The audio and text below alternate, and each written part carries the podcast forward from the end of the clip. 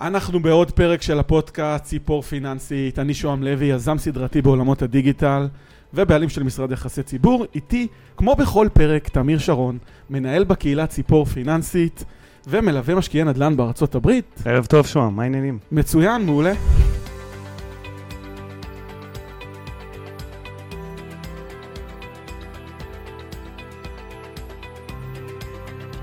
טוב, אז היום יש לנו אורחת מאוד מיוחדת. היא בדיוק הזכירה לי שאנחנו מכירים כבר שלוש שנים, שזה. כיף גדול, ויש לנו גם פודקאסט ביחד, המרוץ לדירה. כן, רציתי להגיד שאתה מוכר לי. מוכר, קצת, לא? כאילו, כן, כן. כן, מה- מהרבה שיחות אה, עמוקות בנושא פיננסים ו... והשקעות, ובעצם אני, אני כל יום אני לומד ממך אה, משהו, זה אני אספר לך על משכנתאות, ניהול פיננסי, ומיוחד התנהלות כלכלית נכונה. איזה כיף. שמחה. בשמחה ו- ואהבה. טוב, אז אה, בואו נצלול ישר ישר לעניינים, יש לנו הרבה נושאים בוערים לכסות. אנחנו מכירים, אבל לא הצגת אותי. אה, אז, אה, אז אה, כן, אז אף פעם לא מאוחר. אז ימית אפריאט היא יועצת משכנתאות ומייסדות התאחדות יועצי המשכנתאות וגם יועצת פיננסית. איזה כיף להיות פה. איזה קהילה מדהימה נפתחה לה ככה בן לילה מטורף, באמת. וכל מקום שיש בו את המקום אה, להעצים ולהעלות את המודעות על התנהלות פיננסית טובה יותר ואיך לצמוח, אני לגמרי שם ושמחה על, על כל במה כזאת. זה מדהים בעיניי. מדהים. אז אנחנו גם היום מתארחים באתר סחבק, זה אתר המשרות לצעירים מקבוצת All Jobs. אז אם אתם צעירים ומחפשים עבודה, אתם יודעים לאן להיכנס. וטוב, אז הפרק הבא באמת אה, מדבר על מה לעשות אחרי שמצאתם את המשרה שלכם, בתור צעירים או בתור אה, אנשים מבוגרים. אה, אז אנחנו הולכים לדבר על, על איך בעצם מגיעים לדירה הזאת, ראשונה או שנייה להשקעה. אז אני, אני, רוצה, אני רוצה להתחיל איתך עם השאלה הראשונה. כן. אה, זהו, אז בגלל כל העליית מחירים שיש בשנים האחרונות, אז הרבה צעירים, או לא צעירים, אפילו בני עד 40, אומרים, כבר דירה ראשונה באזור המרכז, זה משהו ש, שלא נגיע. לא נגיע אליו. אז אה, מה, מה את אומרת לחתך גילאים הזה שהוא פוגש אותך? אז תראו, קודם כל זה מתחלק באמת לשניים. כאלה שצריכים uh, לעשות את זה בכוחות עצמם לחלוטין, וכאלה שעדיין יש עזרה מההורים. שם, תמיר, עדיין עד- הורים עוזרים עם מאות אלפי שקלים. ועדיין, נכון, בגלל שהמחירים עלו משמעותית, גם אם ההורים מביאים מיליון שקל, שזה המון כסף, לא מצליחים לקנות דירה ברמה גבוהה, באזור קריית אונו, רמת גן, סלש, אוקיי? אז uh, באמת uh, זה תמיד הדילמה של אותם זוגות, האם רגע הם הולכים uh, להתפשר ולקנות דירה ישנה, פחות הפסיליטיז שהם רוצים, אולי פחות הסביבה שהם היו רוצים לגדל בילדים, או לחילופין, באמת רגע לעשות את דריסת הרגל הראשונה שלהם בנדל"ן ולקנות במקום אחר, לא בהכרח איפה שהם הולכים לגור, וזה בסדר גמור. אני הכי בעד לקנות איפה שאתה יכול ולגור איפה שאתה רוצה. ואז עם המיליון שקל, האופציות כמובן מאוד מאוד מאוד רחבות, ואז אנחנו בוא נלך למטה, בוא נלך ל-150 ו-200 אלף שקל, גם אפשר. אותם, אה, זה לא חייב להיות אפילו... 150-200 אלף שקל הון עצמי את מדברת. נכון, זה כן. גם אפילו לא חייב להיות זוג, אדם שסיים צבא אפילו, עם הח- 150-200 אלף שקל, יכול ללכת לעשות חיפוש בערים כמו דימונה וערד ו- וקריית שמונה ונוף הגליל, ולאתר דירות של 600 אלף שקל. להיכנס, כמובן, תחת ההנחה, אמרת, במשרה הראשונה שלהם, כשהם עובדים, ומשתכרים לפחות 8,000 שקלים, היום זה משרה מלאה, אה, החל מ, נכון? זה פחות או יותר הסכומים. 8,000 נטו זה כן. שכר... אה, ממו- לא, זהו, זה לא ממוצע, אפילו זה מתחת לממוצע. כן, כן. אז עם 8,000 שקלים, בהנחה שעוד הם גרים אצל ההורים אפילו, אה, לא אמורה להיות להם בעיה להחזיר החזר משכנתה של 2,500, 3,000, 3,500 שקל בחודש, וככה להיכנס לשוק הזה. ככה היום אה, אותו אדם, תדמיינו רגע 23-24, ילד, ילדה, נכון? ממש צעירים, עוד לא יודעים איפה הם רוצים לחיות, עם מי הם רוצים לחיות, אבל יש להם את הדירה הזאת הראשונה, שהם כבר רכשו. הערך שלה כנראה הולך ועולה, כי זה מה שאנחנו מכירים בנדל"ן בישראל. הערך הולך ועולה. ואז מה יקרה כשהם יסיימו לימודים אקדמיים, יהיו עם איזושהי זוגיות וירצו להתקדם הלאה? הם יוכלו למכור אותה, כנראה שתהיה עליית ערך, תהיה משכנתה קטנה יותר ממה שהם לקחו, כי הקרן הלכה וקטנה לאורך השנים. כסף הם המשיכו לחסוך, כי הם לא שילמו שכירות. אני מזכירה לכם שסוחר החזיר להם את המשכנתה, אוקיי? הם לא שילמו משכנתה, התכוונתי.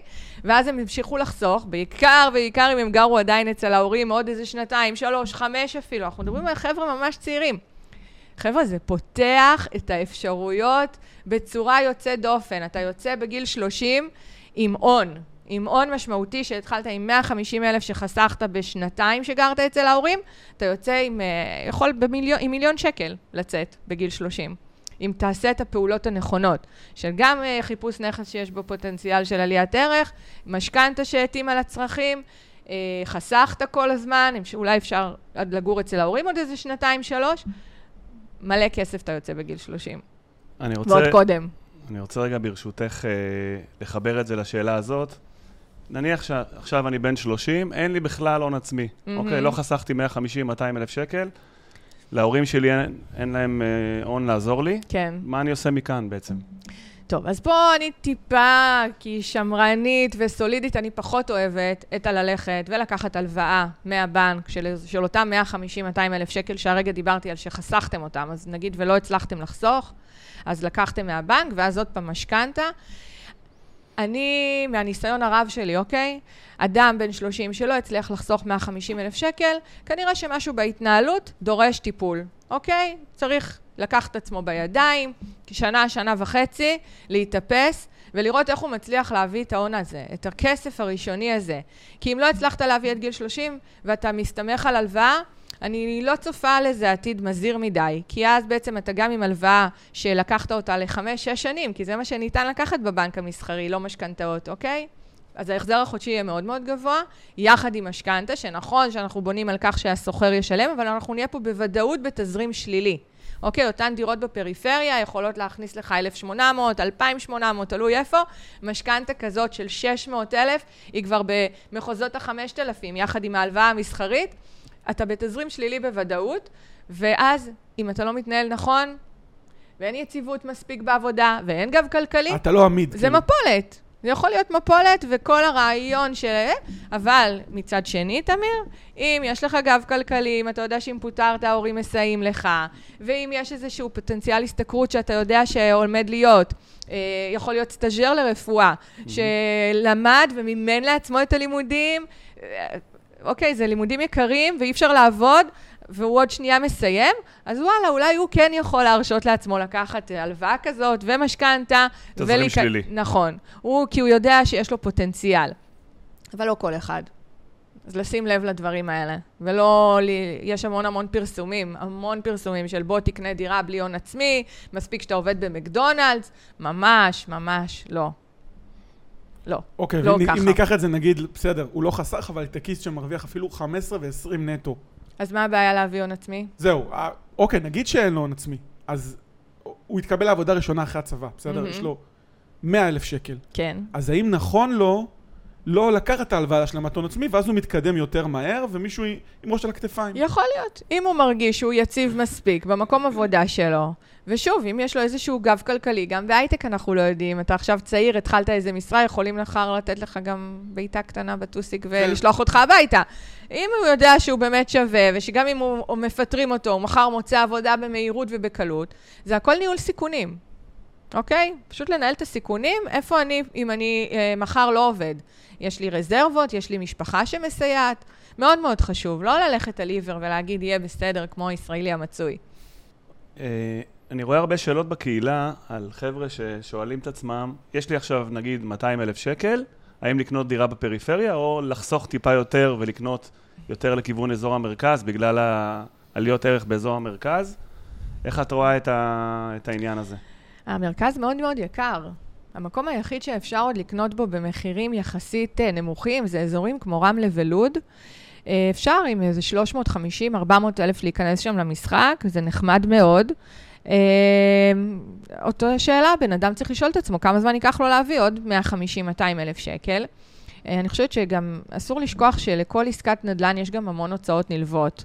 אז זה גם צריך לרדת מהחישוב. זאת אומרת, אם יש לי 200, 50 אלף ככה עפים לי להוצאות נלוות, עורך דין, מתווך, אם לקחת מלווה משקיעים ויועץ משכנתאות, ואולי איזה שיפוץ קטן שנדרש בנכס, וככה להשביח אותו טיפה, אפילו ברמה הקוסמטית.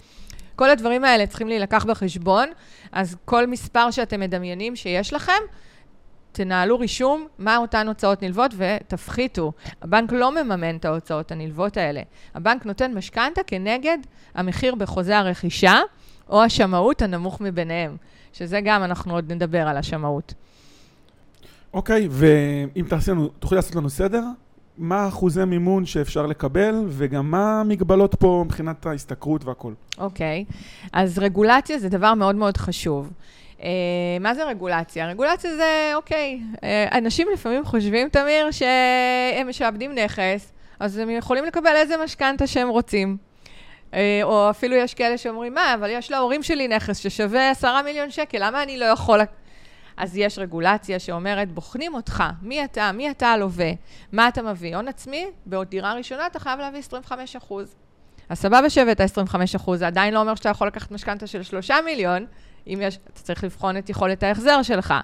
אתה, מבחינת משכורות, בודקים שלושה משכורות אחרונות, רוצים לראות שאתה לא עובר את ה-40 אחוז יחס החזר. רגולטורית, על פי הוראות בנק ישראל, גם כתוב שם 50 אחוז. אבל אף אחד לא עובד לפי זה, זה גם מאוד מאוד מסוכן, זה גם ריביות מאוד גבוהות, 40.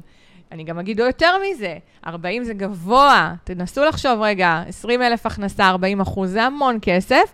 אני כיועצת פיננסית ממליצה להתכנס ל-30 אחוז, והבנקים, שוב, הם מבחינה 40, קח אישור בבקשה. אבל גם הם בודקים היום בעיקר שהכל עלה, את התנודות ואיך הוא יעמוד בשינויים. ורוצים שלא תהיה ב-40% יחס החזר. מעדיפים שתהיה ב-35% יחס החזר. אתה גם משלם על זה בריבית יותר גבוהה, לא? ב-40% לא. אה, תלוי, עוד פעם, אם אתה לקוח אה, שהם יראו בו איזשהו סיכון, אז כן, זה מצחיק. כשהם רואים סיכון, הם לא אומרים לך לא. הם מתמחרים לך את זה פשוט יותר גבוה. ואתה לא יודע, אף אחד לא אומר לך. אתה לא יודע, נכון. לך יותר יקר. אבל גם אתה מבין את האבסורד, אתה מסוכן, אז תשלם יותר, במקום שזה יהיה הפוך. תנו כן. לעשירים לשלם יותר, ולאלה שבהתחלה שלהם, תנו להם, אבל ככה זה עובד. אה, אז אמרנו, 25 אחוז אה, הון עצמי, היחס החזר. אה, נושא השמאות שהזכרתי, לצורך העניין, נגיד אני באה לקנות דירה עכשיו במיליון שקלים, ושמאי החליט שהערך של הדירה הוא 950 שקלים. אלף. אז, 950 אלף שקלים. אז אני אקבל את אחוז המימון מהשמאות. אז זה גם חשוב מאוד להכיר ולהיערך. זאת אומרת, השמאות או שווי הדירה הנמוך מביניהם, נכון? נכון, זה החוק. נכון, וגם אם יש אפילו פער גדול עם השמאות, אז זה תמיד לפי השמאות, שאנשים צריכים לקחת את זה בחשבון. כן.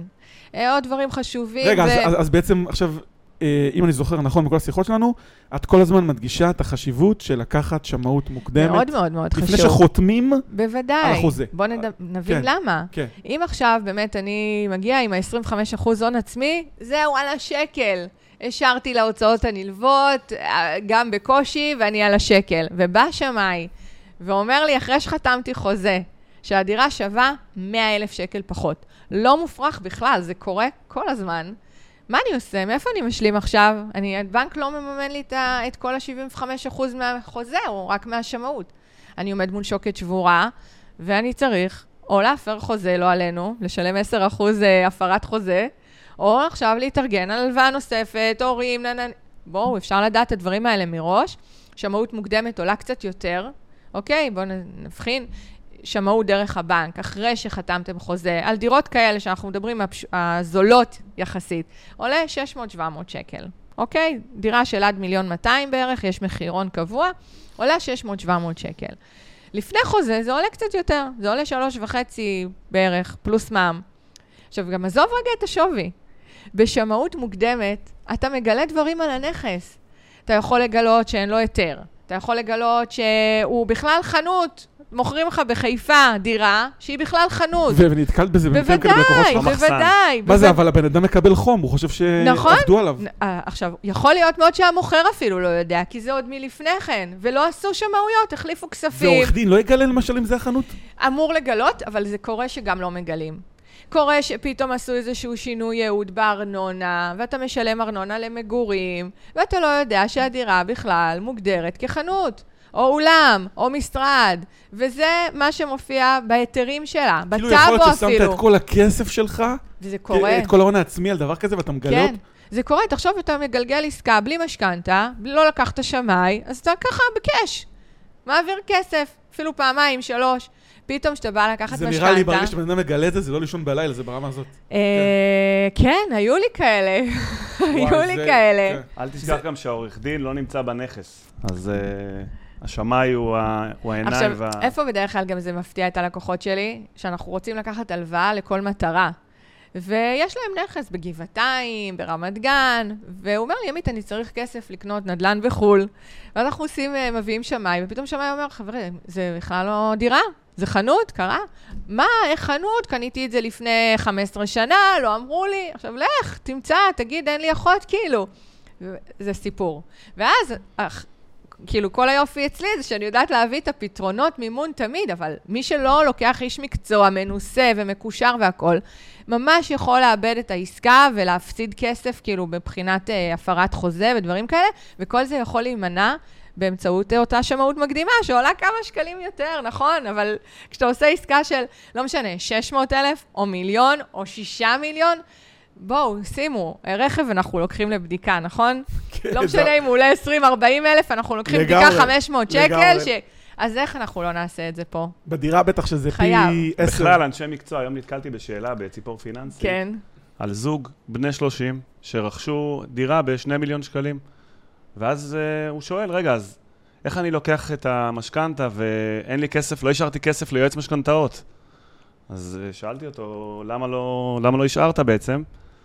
אז הוא אמר שלא, אין, הם לא התארגנו על זה ואין להם אפשרות והם לא תכננו את זה כחלק מהעלויות. אז uh, לשים לב לכל, להשתמש באנשי מקצוע, בעורך דין. ביועץ משכנתאות, בתיווך, מה שצריך. חייב, זה עושה את כל העסקה בסוף לכלכלית יותר, נותן אורך רוח, נותן שקט נפשי, נותן ביטחון ו- וחיסכון כ- כ- כלכלי, כאילו, העלות של היועץ משכנתאות מוחזרת בשנה הראשונה. אם היועץ עשה עבודה טובה, גם בכל ההיבט של התכנון והכל, וגם בריביות, תוך שנה ופחות לפעמים אתה מחזיר את העלות שלו. טוב, אני מסתכל רגע על ה- על השינויים שהיו בריבית, כי אי אפשר, אי אפשר לא לדבר על זה. היינו עד 2020, או תחילת, אפילו 2021, בריבית ממש אפסית וממש נמוכה. עכשיו הריביות עלו.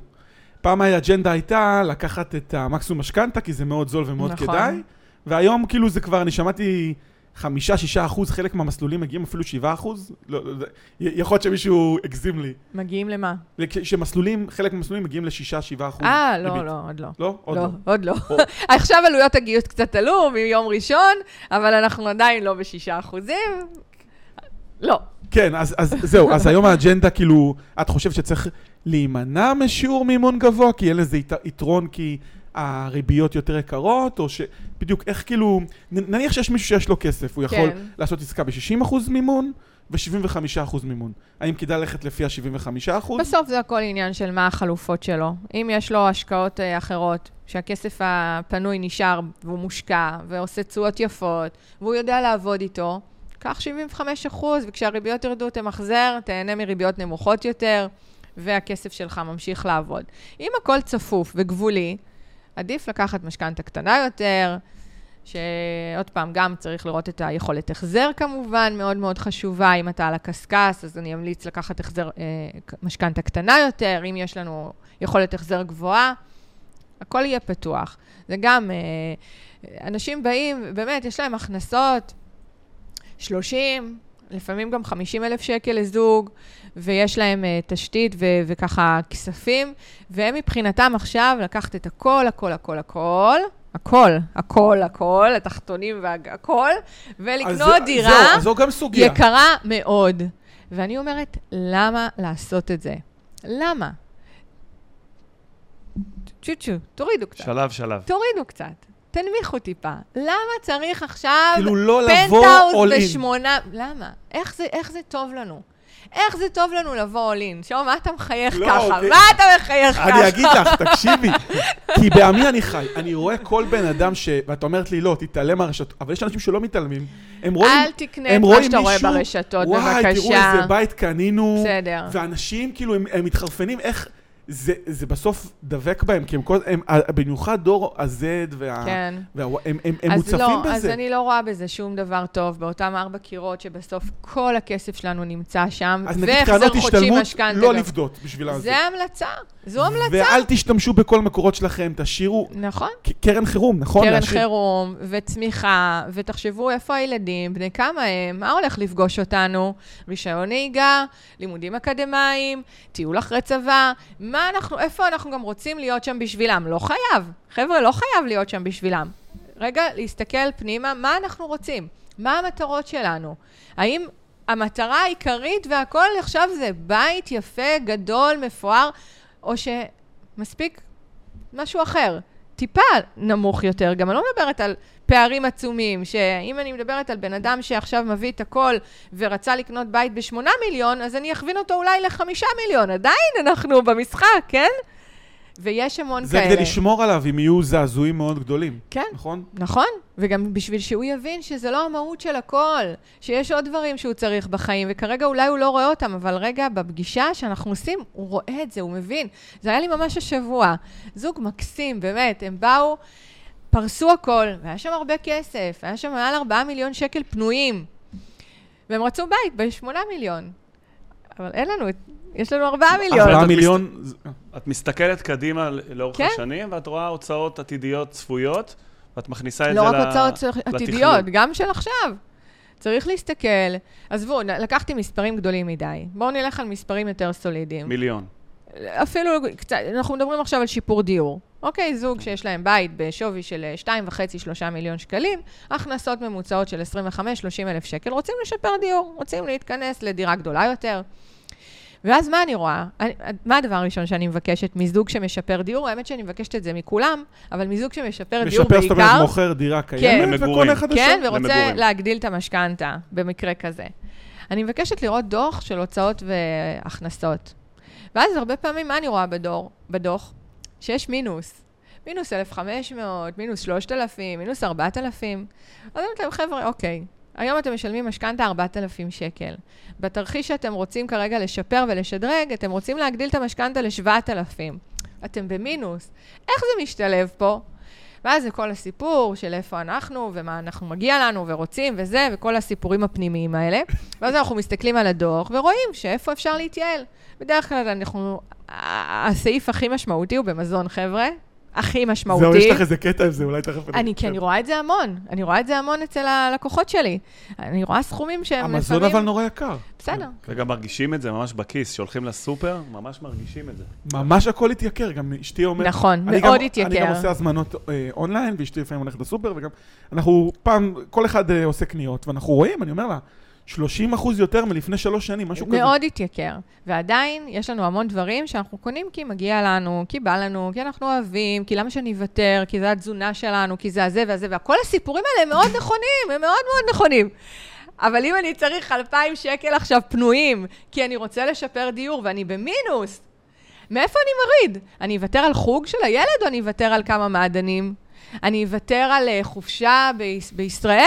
על מה אני אוותר? צריך לעשות פה איזה שהם ויתורים אם אני רוצה לשפר דיור. אתם מסכימים איתי על זה? אבל את יודעת, הכל היום נהיה ליבה, והכל חשוב, כי הרמת חיים עלתה. לא, אה, לא, לא מסכימה עם זה. למה? אני לא מסכימה. אם, עוד פעם, אם אתה היום רוצה... נגיד לקנות סטייקים לארוחת שישי, כן. זה לא כזה... חייב כל שבוע סטייקים לא בארוחת יודע אם שישי? חייב, אפילו דגים, אתה יודע. חייב כל אנחנו יורדים שבוע? קצת יותר, מאוד למיני מיקרו על זה, אבל... אנחנו יורדים וזה טוב. אבל זו המהות. זה טוב שאנחנו יורדים. תקשיבי, אבל היום לקנות... אבל לא חייב פעם כל כשאימא. שלי, אימא שלי קנתה דגים לארוחת שישי כשהיינו ילדים, אז וואו, כאילו קניתי לכם...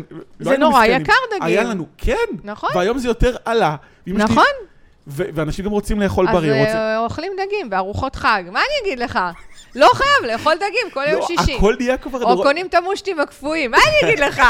לא חייב לקנות טרי. לא, שם, מצחיק, ברצינות, אבל הכל- ברצינות. נהיה נורא בסיסי. נכון, נכון. זה מה שמשגע. כאילו... ועדיין, עדיין, יש אפשרות. יש אפשרות לחסוך שם, אם רגע המשפחה תסתכל באמת על הצריכה שלה, ותסתכל כמה היא זורקת, מעדנים ופירות וירקות, ותסתכל כמה גבינות היא קונה, ו... אה, בוא, הלכתי השבוע, ראיתי ארון אה, מקרר וארון, אה, חנות של זוג עם ילד, ילד בן חמש.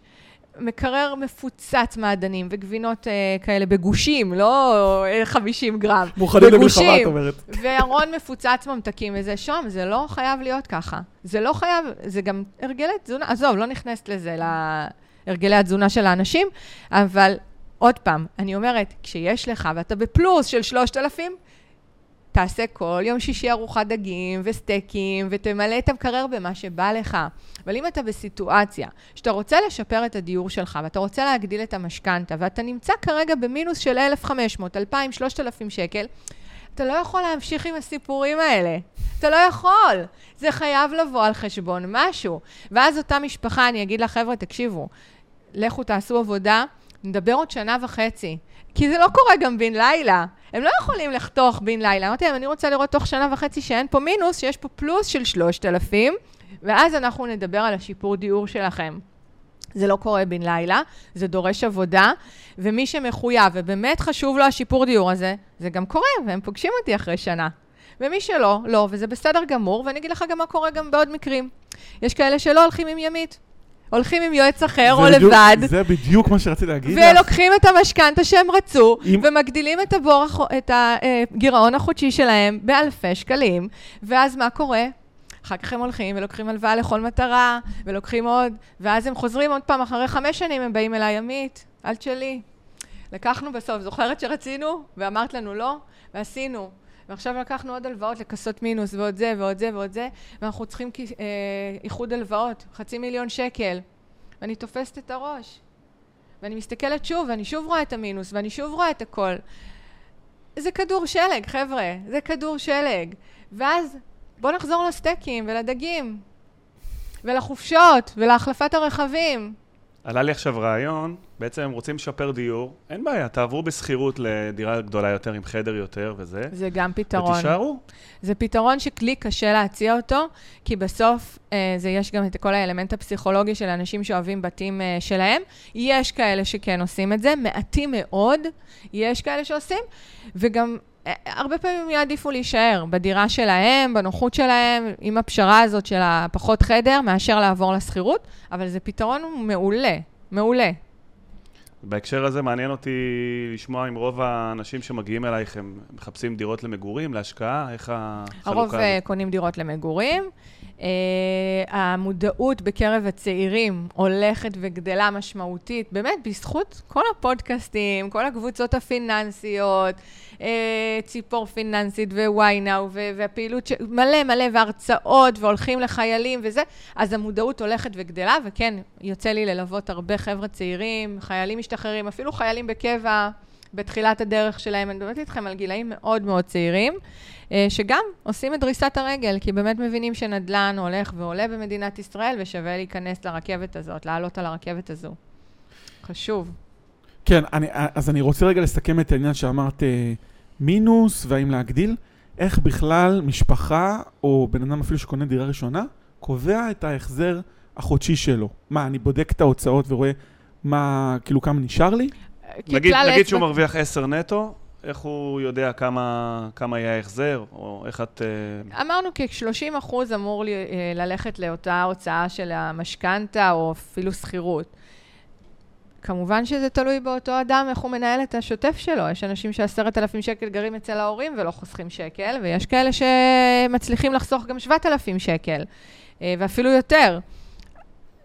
אני מציעה אה, לקחת אקסל, להסתכל, לקבל תמונה, ראי של ההוצאות מול ההכנסות, עם איזו שורה תחתונה שרשום לך שם נורא בבירור מה יש.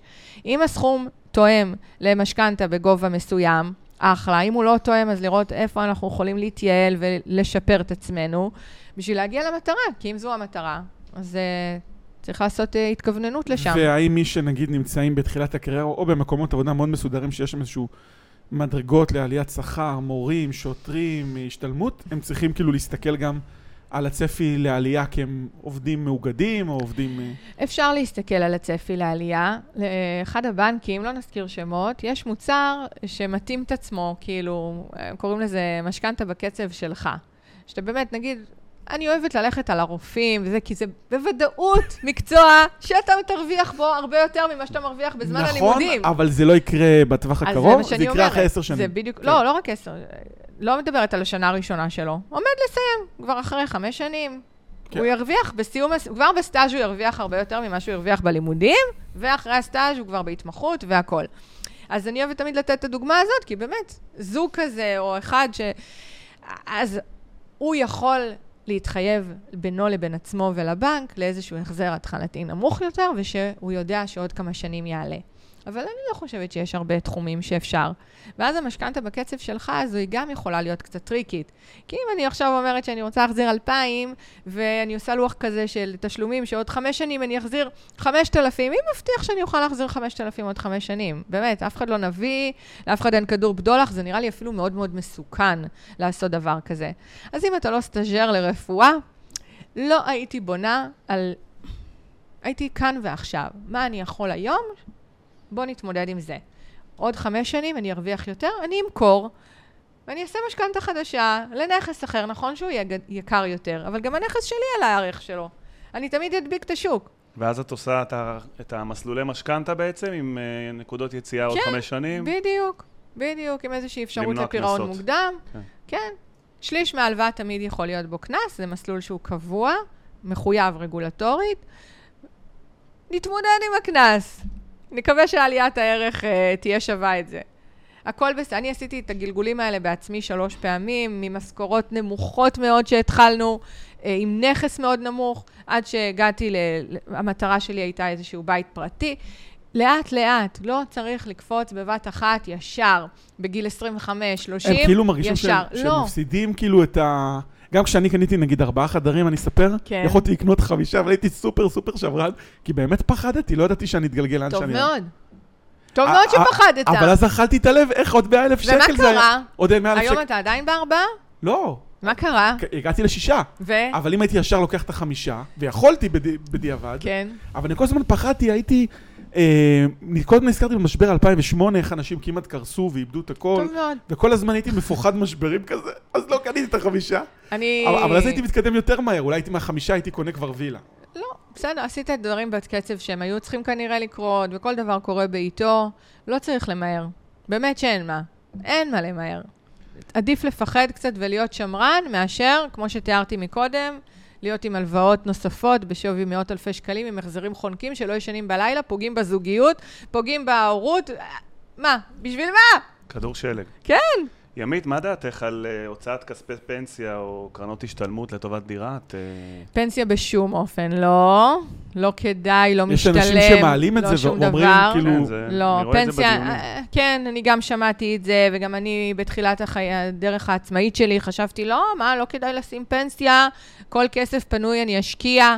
לא, פנסיה יש לה המון יתרונות, יש לה מטריה ביטוחית, ויש המון המון דברים חשובים שחשוב אובדן כושר עבודה. כן, זה. כן, המון המון דברים שחשוב שאנשים יכירו שבגללם שווה לשים את הסכום החודשי, אפילו המקסימלי בפנסיה, בנוסף לעוד חסכונות והשקעות. אני תמיד אומרת גם, זה לא הכל או כלום, זה הכל לעשות שיהיה פיזור. פיזור. כן, זה מאוד מאוד חשוב.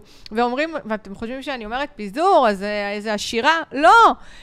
עם, אה, עם אלפי שקלים פנויים בחודש, 3,000, 4,000, לפזר לפנסיה, ל, למשח... כל מיני דברים, לילדים, הכל, פשוט ש... להיות שם, להיות בהכל. וקרן השתלמות, גם אומרים לא למשוך, לא למשוך. למה אומרים לא למשוך? אין לנו הרבה מוצרים שאין לנו מיסוי עליהם, אוקיי? אנחנו נושמים פה שלושתנו עכשיו, משלמים מס. קרן השתלמות שהמעביד אה, מפריש ואנחנו מפרישים, אני כעצמאית מפרישה, כל שש שנים אני יכולה לפתוח את הכסף שחסכתי ולא לשלם עליו מס, איזה כיף. וגם בפרישה, אני יכולה להמשיך לחסוך את הכסף הזה, והוא יגיע למאות אלפים, אם לא מיליונים של שקלים בפרישה שלי בגיל 67, ולא לשלם על זה מס. זה, אין דברים כאלה. זה מדהים, או אפילו להוריש את זה לילדים שלי ובלי מס. לא לגעת, להגיד את זה כבל יעבור, אני יכולה לבוא ולהגיד, עדיף לא לגעת. אם תביא לי עסקה ממש ממש שווה עכשיו, מתחת למחיר שוק, כן, ובדקת. וחסר לך 130 אלף שקל בשביל לקנות אותה, ויש לך את הכסף הזה בקרן ההשתלמות, אני כנראה אגיד לך, כן, תיקח. כנראה. או שתיקח הלוואה כנגדה, ואז... אפשר לקחת, עוד פעם, תלוי בתזרים שלך. הלוואה בסוף צריך להחזיר. כן, אתה יכול לעשות grace מלא. נכון. טרנד- זה היה כן. טרנד מאוד גדול כשהריבית הייתה נמוכה. נכון, אז עכשיו אנשים לקחו. בפריים מינוס חצי, היום זה כבר פחות אה, נכון. זה, זה לתקופת זמן יותר קצרה, אז ההחזרים... אה, נכון, יותר ושם גבוהים. גרייס מלא, גרייס חלקי, מה זה אומר? מה יקרה עוד שש שנים? אה, חלקי, אתה משלם רק ריבית. נכון, ומה יקרה ואז עוד אתה שש צריך... שנים? אה, אתה שוב תעמוד מול הדילמה. הבלון מתפוצץ, או שאתה נכון. מעריך את זה. נכון, אתה, או שאתה עושה, נכון, ואז צריך לראות מה כדאי, נכון. אם יש לך יכולת החזר, אז כנראה שבאמת יהיה כדאי לקחת הלוואה על חשבון הקרן. עדיף קרן וריבית כמובן. אם אתה רוצה רק ריבית, אז לראות איך אתה באמת עוד שש שנים, מה אתה עושה איתה. אמ, אז כן, ההמלצה היא לא לגעת בקרן השתלמות. לא אגיד את זה כבל יעבור. כל מקרה לגופו. בדיוק, אין אה, תבניות, כולם צריכים לעשות ככה, נכון. כולם... יש ייעוץ, יש אנשים, נכון, יש גם חשוב. חיים מעבר למספרים. בדיוק, זה מי- מה שחשוב. מי אתם בעצם? נכון. מה אתם, מה ההרגלים שלכם? זה מדויק מה שאמרת, וזה בדיוק התהליך שאני מעבירה את האנשים שאני מלווה, וזו זכות ענקית. זה כי- חצי פסיכולוגית גם. ממש ככה, ממש ככה. כן, קודם דיברת על הוצאות נלוות, על אה, יועצת משכנתאות, עורכת דין, אה, שמאית. זה יופי שאתה אה, משתמש כן. בנקבה, כל הכבוד. איך מחשבים בעצם את. הסכום הזה ש... שצריך לשים בצד? יש איזשהו כלל אצבע, אחוז מסוים מתוך אה, מחיר אה, הדירה? יש אה, מחירים בדרך כלל בעולם התיווך והעריכת דין שהם די קבועים. זה סביב החצי אחוז לעורך דין, ותיווך זה סביב השני אחוז, פלוס מע"מ. ייעוץ משכנתאות הסקאלה קצת שונה. סביבות, עוד פעם, תיק סטנדרטי החל מ-10,000 שקלים בערך, והשמיים הם הגבול. שיפוץ, השמיים הם הגבול. זה יכול להיות מסיוד ו... ושפכטל ב-5,000 שקל, ועד שבירת קירות ופתיחה, ופרקט. במאות אלפי שקלים. כן, גם. כן, אז הכל תלוי. אמ, מס רכישה, דירות של עד מיליון 900 פסיק משהו, אין מס רכישה. תבדקו בדיוק את כן, המדרגות. הנה, גם הזוג הזה שבא להתייעץ, אה, אה, דיברו, אית- דיברו איתי על זה, לא זוכרת בדיוק את המספרים, שישה, שבעה מיליון שקל. מה זה, נפלה להם חתיכת- הלסת, שאמרתי להם, יש לכם 280 אלף שקל מס רכישה. אה, זהו, זה וואו, לא- לא ידעו. זה חמישה אחוז, משהו, לא. זה מדורג, כן, זה כן. פרוגרסיבי מדורג, יש סימולטור של רשות המיסים, אז מאוד מאוד חשוב לקחת את זה גם בחשבון. אמ, שמאי, אמרנו, בדק בית. בדק בית עולה 1,500 שקל, חבר'ה. אה, אפילו שהדירה קיימת כבר לקחת. 1,500 שקל. אפילו כש... מה זה דירה? לא, קיימת? לא, אני אומר, אה, בדירה חדשה לקחנו בדק בית, כי... לא, גם, בטח, כי חשבנו שהקבלן לא על דירה יד שנייה. אתה בא, רוצה לקנות דירה יד שנייה, ישנה. לא תשים 1,500 שקל, שיגידו לך אם היה נזילות, אם יש אה, עובש, אם יש אה, שיפוע במקלחת. ואז בלת"מים, אם אה, כן. צריך פתאום להחליף צנרת, או כן, דברים כן. כאלה. לדעת את הדברים האלה מראש זה מאוד מאוד חשוב, בעלויות די זניחות. מאוד חשוב. איך בוחרים את התמהיל? בעצם עכשיו את אה, באה אלייך אה, לקוח או משפחה, ואת צריכה לבנות את התמהיל, איך את בונה אותו? שואלת אותם על הצרכים שלהם. שוב, יכולת ההחזר, אז כמה אנחנו יכולים להתכנס להחזר חודשי? ואז בהתאם לזה, פריסת השנים. פריסת השנים היא מאוד חשובה. ככל שנפרוס לפחות שנים, ככה ננגוס יותר מהר מהקרן. הקרן זה החוב שלקחנו. אז ככל שההחזר החודשי יותר גבוה, מן הסתם, הקרן תלך ותקטן הרבה יותר מהר. אז בהתאם ליכולות, אה, בהתאם ל... אה, הם רואים? הם חושבים שהם ימכרו את הבית הזה תוך חמש שנים, או שהם הולכים להישאר בו עכשיו 20 שנה? אם הם חושבים שהם ימכרו תוך חמש שנים, אז אני בהכרח ארצה לעשות להם מסלולים שניתן לפרוע ב- ב- עם מינימום קנסות. הקנסות האלה יכולים להיות מאוד כואבים. יכול להגיע לעשרות אלפי שקלים בקלות, בטח עכשיו שאנחנו בסביבת ריבית שהיא קצת יותר גבוהה. אז מתי יש קנס? רגע, בוא נגיד למאזינים. קנס יש כאשר הריבית הממוצעת יורדת. נגיד עכשיו לקחתי בחמישה אחוזים, והריבית הממוצעת ירדה לשלושה וחצי אחוזים עוד חמש שנים, הבנק יחשב את הפער הזה בין השלושה וחצי לחמש, לפי יתרת השנים שנותר לי. אז מן הסתם, גם אם לקחתי ל-30 שנה ונשאר לי 25, הקנס יהיה הרבה יותר גבוה, מאשר אם לקחתי ל-15 שנה ונשאר לי 10. הקנס יהיה הרבה הרבה יותר נמוך. אז גם זה אני ארצה למנוע מהם, אם הם יודעים מראש שהם בהכרח הולכים למכור או לפרוע. וגם הסביבת ריבית הזו שאנחנו נמצאים בה, אני מניחה שבהכרח בחמש שנים הקרובות הריבית הולכת לרדת. אז גם בלי קשר לזה שהם יפרעו, ימכרו, אני ארצה למחזר להם, וגם אז למנוע מהם את הקנסות האלה, אז אני גם אבנה את זה בצורה שיהיה אפשר אה, לעשות משהו, לחשב מסלול מחדש עם מינימום קנסות. ואם זה משקיע, אז בעצם לתקופות קצרות, ואז uh, בעצם בונים על מחזורים כל כמה שנים, נכון? כן, גם משקיע, עוד פעם, מה אתה רוצה? אתה רוצה תזרים חיובי, שלילי, לא אכפת לך, אתה עושה את זה מבחינת... יש משקיעים שאפילו שההלוואה תתנהג כמו בלון. הם יודעים בוודאות שהערך של הנכס עוד שנתיים, חמש, שבע, יהיה שווה פי שתיים, לא מעניין אותו המשכנתה שהוא לקח. מצידו החצי מיליון שהוא לקח, או המיליון, שיישאר מיליון. עם החזר חודשי הכי הכי נמוך, שלא יפגע לו בתזרים, רק ש... יהיה לו פנוי לעסקאות הבאות. זה נורא נורא משתנה, אין copy-paste. נורא תלוי בצרכים. טוב, אז אני רוצה שאלה לסיכום. אה, תני לנו אה, של, שלושת הדברים הכי הכי חשובים, שיש אפילו חמישה, לפני שהולכים למהלך של, של קניית דירה, תעשה לנו כזה סדר, בוא נסכם את הכל טוב, ביחד. אז יש מיליון, ננסה לסכם לשל, לשלושה. או, או חמישה גם יכול להיות. בואו ננסה להתמקד uh, בשלושה דברים. אז אמרנו, יכולת החזר, מאוד מאוד חשוב להבין מהי, כמה אנחנו יכולים uh, להחזיר כל חודש, ועל בסיס זה לצאת ולאתר את המשכנתה המתאימה. גם ההון העצמי שיש לנו מאוד מאוד משפיע פה. Uh, הנושא הזה שדיברנו קצת על רגולציה, להבין אותו, זה גם משהו שהרבה פעמים אנשים כאילו, כמו שאמרתי, באים כאילו חושבים, מה, אבל יש לי מלא כסף, איך, אה, יש לי 60 אלף שקל הכנסות, אבל לא חסכו הון עצמי. מה, הבנק לא ייתן לי מה שאני רוצה? לא, הוא לא ייתן לך מה שאתה רוצה. כאילו, הרגולציה זה תמרורים אדומים כן. שפשוט אתה לא יכול לעבור. ותודה עליהם. תודה על הרגולציה הזו. יש רגולציות שאני פחות אוהבת, את הרגולציה של אחוז המימון ויחס ההחזר, אני מוקירה על זה. זה מציל משפחות לדעת. ממש מציל משפחות, ממש. ומציל את ישראל מקריסה כלכלית, כי אם זה לא היה, אנשים היו ממנפים את עצמם לדעת. וואי וואי. כמו בתקופת כן. ה... כן, פעם היה- ב sub prime. שהיה ביטוח... אה, EMI. גם פעם היה 90 אחוז, כן. כן. אתם יודעים שאני, את הדירה הראשונה שלנו, אה, עמדתי לקחת עם EMI, כי לא הבנתי מה זה. ולא היה לנו הרבה הון עצמי.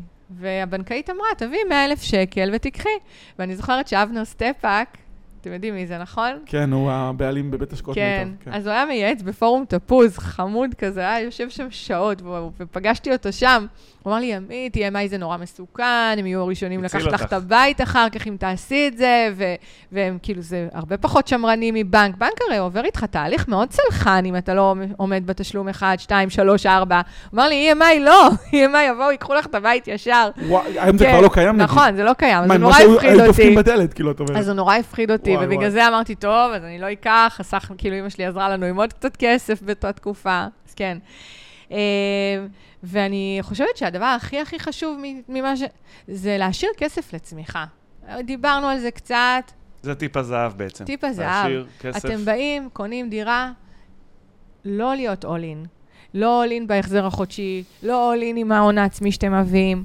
להשאיר כסף, שתוכלו להגשים עוד מטרות ועוד יעדים, ולחסוך, ו- ולהתפתח, ולהגשים עוד דברים. זה לא הכל הבית בסוף. זה נחמד וטוב ונותן ביטחון, וזה עוגן ויציבות. אפשר לעשות את זה בהתאם ליכולות כאלה ואחרות, כאשר משאירים כסף לעוד דברים. בין אם זה חסכונות של מאות אלפי שקלים, או מאה אלף שקל, ובין אם זה אלף שקל בעובר ושב, או שלושת אלפים שקל, או חמש, כל אחד תלוי, אבל אין מצב שאתם על האפס. אפס זה לא, לא, לא בבית ספרנו, לא נשארים על האפס. כסף בצד לכל מיני בלת"מים, חייב. קרן חירום. חייב, חייב. אה, זה לישון טוב בלילה, לפני הבית היפה וה... לישון טוב בלילה, כאילו, לשקט לפרק את הקטע הנפשי. הרגשי ולהכניס בו הרבה כן, כלכלי, נכון? כן, כן. ולדבר על זה, זה בסדר לדבר על זה עם הילדים ועם הבן זוג, ולקבל את ההחלטות, זה ממש בסדר. ולעקוב אחרי כל ה... כן, כן. וגם עם החברים והכול, ולהיות ב mindset כזה, שזה לא קמצני, וזה לא אני עכשיו חוסך על עצמי, ומגיע לי וכל... זה אני, להפך, אני עושה את זה בשביל לצמוח.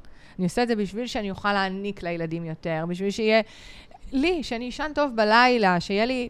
באמת, זה מהמקום הזה.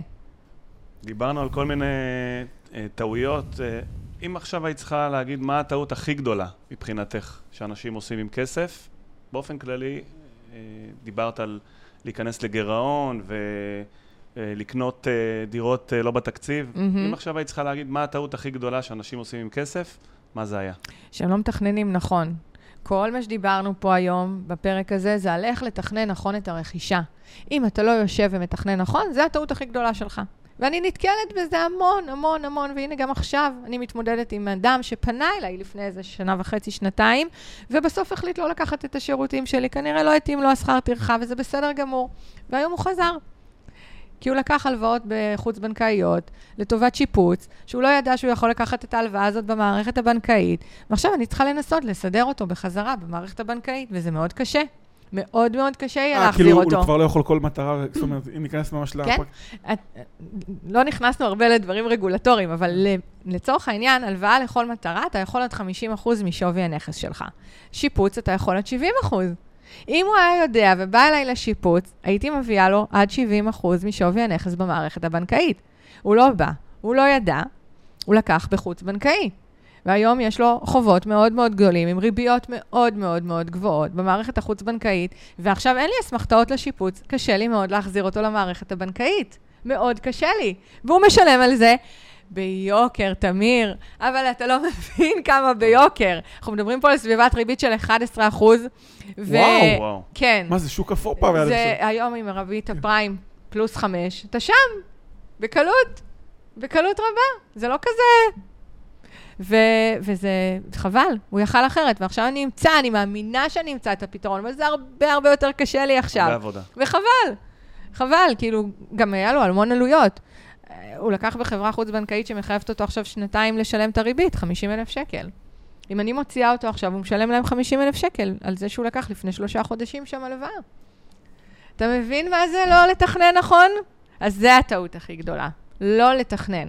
וזה בא לידי ביטוי בכל דבר, בלהביא ילד לעולם, בלהתחתן, בלקנות דירה, צריך לתכנן. תעשו איזה מדריך לחיים ב- מעבר לכלכלי, כן. כן, הכל אנחנו צריכים לתכנן. שוהם, אי אפשר באהלן אהלן הכל. אי אפשר, זה לא עובד ככה.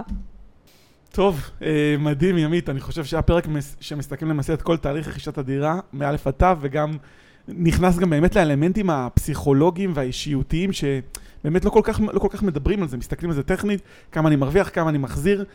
כל כך ג- הרבה מעבר. בדיוק, זה, זה, זה האישיות שלכם ואתם, ואנשים לפעמים, כאילו, זה בסדר גם לשאול בפייסבוק, אבל תזכרו ש, שצריך לרדת ממש לעומק ולצלול, נכון. ואי אפשר לענות באיזשהו, רק באיזשהו פוסט. בדיוק, מדויק מאוד. כן, זה גם אני למדתי כל השנים וגם מהפרק, אז uh, אני חושב שמי שיקשיב לפודקאסט יקבל את התמונה המלאה עם התובנות הכי פרקטיות בדרך לדירה. אני רוצה להודות לך, ימית. תודה אפריאט, רבה לכם. תודה. משכנתאות ויועצת פיננסית, אני רוצה להודות לך, שרון, אה, תמיר שרון. אה. מנהל בקהילה ומלווה משקיעים בארצות הברית. ואני רוצה גם להזמין אתכם להאזין לפודקאסט המשותף שלנו, אה? המרוץ לדירה, כן. עם ימית אפריאט. פודקאסט מעולה, אני עוקב. תודה, אחרי כל הפרקים.